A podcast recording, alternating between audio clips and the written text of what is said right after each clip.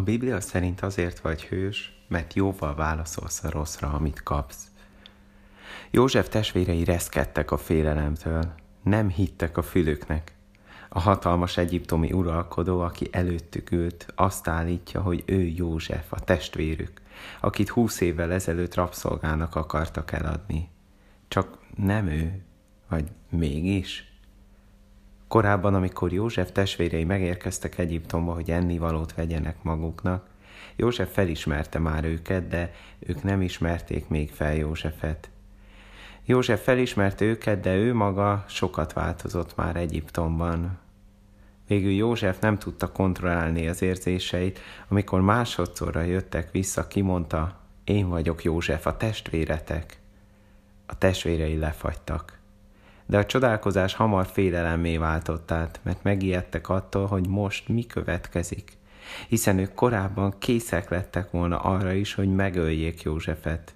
És most fordult a kocka, és Józsefnek minden lehetősége megvan rá, hogy bosszút álljon rajtuk. De nem tette. Ehelyett átülelte őket, és megkérte őket, hogy hozzák el családjaikat, és éljenek vele Egyiptomban.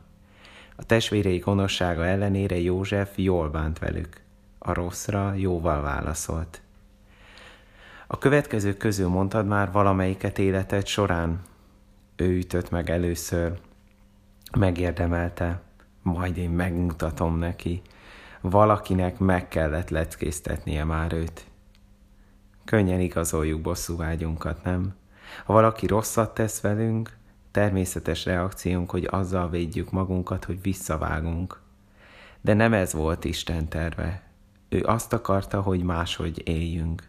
Azt akarja ma is, hogy szeretettel és tisztelettel forduljunk a másik felé. Nem csak akkor, amikor megérdemli, hanem akkor is, amikor rosszat tett. Jézusnak ezek a szavai vannak a Lukács 6.27-28-ban. Szeressétek ellenségeiteket, tegyetek jót azokkal, akik gyűlölnek titeket, áldjátok azokat, akik átkoznak, és imádkozzatok azokért, akik bántalmaznak titeket. Nem arról van szó, hogy nincs olyan helyzet, amikor el kell futnod a rossz elől, hanem hogy amikor te kerülsz előnyös helyzetbe, és te lehetnél az, aki bánthatja a másikat, akkor tegyél jót inkább. A legjobban így követheted Istent, aki arra, hogy ellene lázadtál, nem úgy válaszolt, hogy elkezdett ő is bántani, hanem úgy válaszolt, hogy utánad ment, és mindenét feláldozva megmentett téged. Egy kis feladat a végére.